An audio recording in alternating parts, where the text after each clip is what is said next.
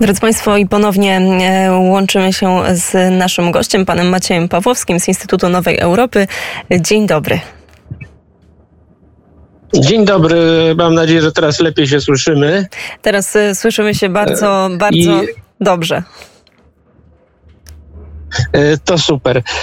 Generalnie pod ważną rzeczą, która została wprowadzona w tym momencie wraz z zawieszeniem tego traktatu, to jest e, zablokowanie, zakazanie wszelkiego importu z Hiszpanii do Algierii. Czyli tutaj w ten sposób e, Hiszpania traci bardzo duży rynek.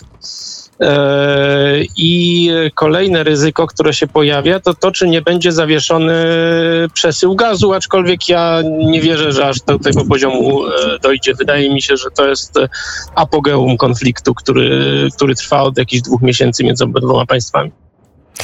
W, w, takim razie mm, proszę powiedzieć, jakie są możliwe scenariusze e, rozwoju. Dobra informacja jest taka, że, mm, e, że, że nie będzie właśnie e, problemów z przesyłem gazu, ale mm, w takim razie jakie inne konsekwencje albo w którą stronę może to pójść?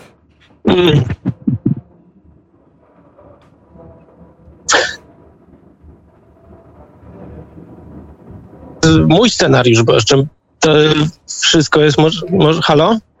No właśnie, Panie Macieju, niestety trochę nam przerywa. Teraz Halo? tak, tak, Halo? tak. Trochę, trochę niestety to połączenie cały czas się rwie. Dajmy jeszcze sobie ostatnią szansę. Um, nie wiem, czy się słyszymy.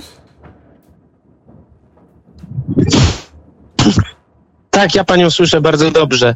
E, to znaczy, chciałem powiedzieć, że z tym gazem to jest oczywiście mój scenariusz, bo uważam, że to była za duża strata dla budżetu Algierii, gdyby z niego zrezygnowała. Natomiast e, wiadomo już jest teraz, że nie Hiszpania, tak pierwotnie planowała, będzie tym hubem dostarczającym gaz algierski do Europy, tylko będą to raczej Włochy, ponieważ tam współpraca przebiega bardziej harmonijnie. E, I e, jeżeli, jeżeli Algierczycy będą musieli ograniczać w jakiś sposób, znaczy zwiększać e, jak na sprzedaż do Włoch, to będą to robić w pierwszej kolejności kosztem sprzedaży do Hiszpanii. Natomiast myślę, że w ogóle sam cios w eksport, znaczy w import towarów z Hiszpanii to jest cios bardzo duży. Ewentualnie może dojść jeszcze do zerwania stosunków dyplomatycznych e, między obydwoma krajami, jeśli sytuacja będzie dalej eskalować. To jeszcze, e, Panie Macieju, jeden temat. Zresztą mówiliśmy o tym kilka tygodni temu, tak naprawdę też na antenie Radia Wnet, ale można powiedzieć, że każdy tydzień tej wojny, tej rosyjskiej agresji na Ukrainę zupełnie zmienia tak naprawdę otaczający nasz świat. Nie tylko my tutaj w Europie e, Środkowo-Wschodniej bardzo mocno przeżywamy i przyglądamy się sytuacji na Ukrainie. Także państwa, przynajmniej część e, państw w północnej Afryki. I proszę jeszcze powiedzieć, czy jakieś e, nowe, ważne wypowiedzi, ważne zdarzenia płyną do nas właśnie z tej części świata. Znaczy, no przede wszystkim wszystkie państwa afrykańskie chcą tego, żeby wojna zakończyła się możliwie jak najszybciej. E, I dzisiaj na przykład mamy w Algierii wizytę prezydenta Wenezueli to jest coś bardzo zastanawiającego. On potem będzie również spotykać się z prezydentem Turcji między innymi. I tu pojawia się pytanie, czy jakby nie tworzy się jakaś e, linia państw, które dotychczas były, były są dość blisko w relacjach z Rosją, E, I pytanie, czy one nie chcą w jakiś sposób uczestniczyć w mediowaniu w tym konflikcie. E, ponieważ e, jeżeli przez 3-4 miesiące jeszcze nie będzie dostaw ukraińskiego zboża do Afryki, to w bardzo wielu państwach, zwłaszcza Afryki subsaharyjskiej, dojdzie do zjawiska głodu i będzie mieć powtórkę kryzysu migracyjnego z 2015 roku.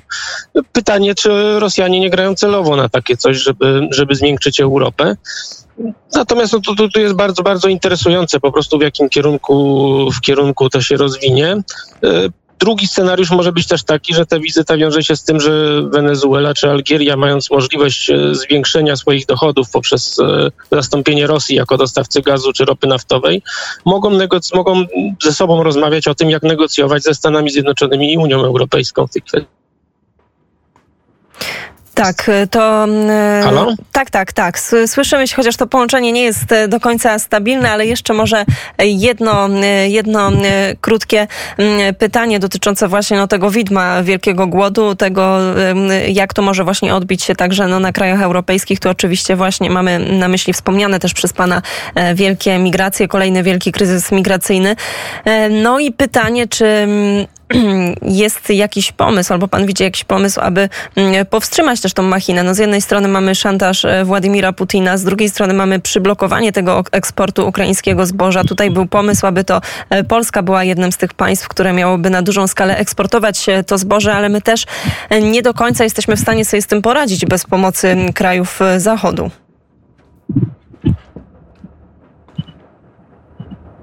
No więc właśnie znaczy nasza rola zdecydowanie jest tutaj kluczowa. No, warto by się zastanowić, czy na przykład nie powinniśmy my kupić ukraińskiego zboża i sprzedawać nasze, tak? Na przykład. To jest, oczywiście są kwestie bardzo techniczne. E, pytanie też, e, w jaki sposób to zboże miałoby być eksportowane, czy jeszcze przez Rumunię na przykład i tamtejsze porty Morza Czarnego, co niby jest szybciej, ale też wiąże się z jakimś e, ryzykiem działań rosyjskich, czy też przez e, Morze Bałtyckie, gdzie to wszystko jest, e, ta, ta droga transportu jest, jest dość długa. Niewątpliwie, zanim znajdzie się takie rozwiązanie, to znowu troszeczkę czasu minie i jeżeli nawet uda nam się doprowadzić do tego, żeby nie doszło do zjawiska głodu w Afryce, to ceny żywności, ceny pieczywa będą w dalszym ciągu rosły, co, co, co, co będzie problemem dla osób najuboższych żyjących w tych krajach, ponieważ tutaj, zwłaszcza w miastach, e, chleb jest podstawowym e, źródłem pożywienia, na które wszyscy, wszystkich stać. W Algierii na przykład to się wiąże z tym, że państwo musi coraz więcej pieniędzy dokładać e, do subwencji na pieczywo, tak, bo jest to tu towar subwencjonowany. W Egipcie z kolei jest trzykrotna w tym momencie wzrost cen pieczywa, co już tutaj się przekłada bardzo na sytuacji na sytuacji życiowej ludzi najuboższych. Więc myślę, że tu trzeba by podjąć jakieś najszybsze kroki odnośnie transportu. E, może przez porty Morza Śródziemnego, może tutaj współpraca z państwami bałkańskimi byłaby jakimś rozwiązaniem. E, to zdecydowanie są kwestie tak mocno techniczne, że, że ciężko mi nawet tutaj e, to dokładnie planować, ale, ale, ale myślę, że ewidentnie współpraca w ramach Unii Europejskiej jest tutaj konieczna. I tutaj musimy postawić e, kropkę, bo za kilka sekund e, godzina 18, a to oznacza, że czas na wiadomości w Radiu Wnet. Bardzo serdecznie dziękuję za rozmowę. Pan Maciej Pawłowski, ekspert Instytut Nowej Europy, był gościem Radia Wnet. Bardzo serdecznie dziękuję. Dziękuję również, miłego wieczoru życzę. Do widzenia.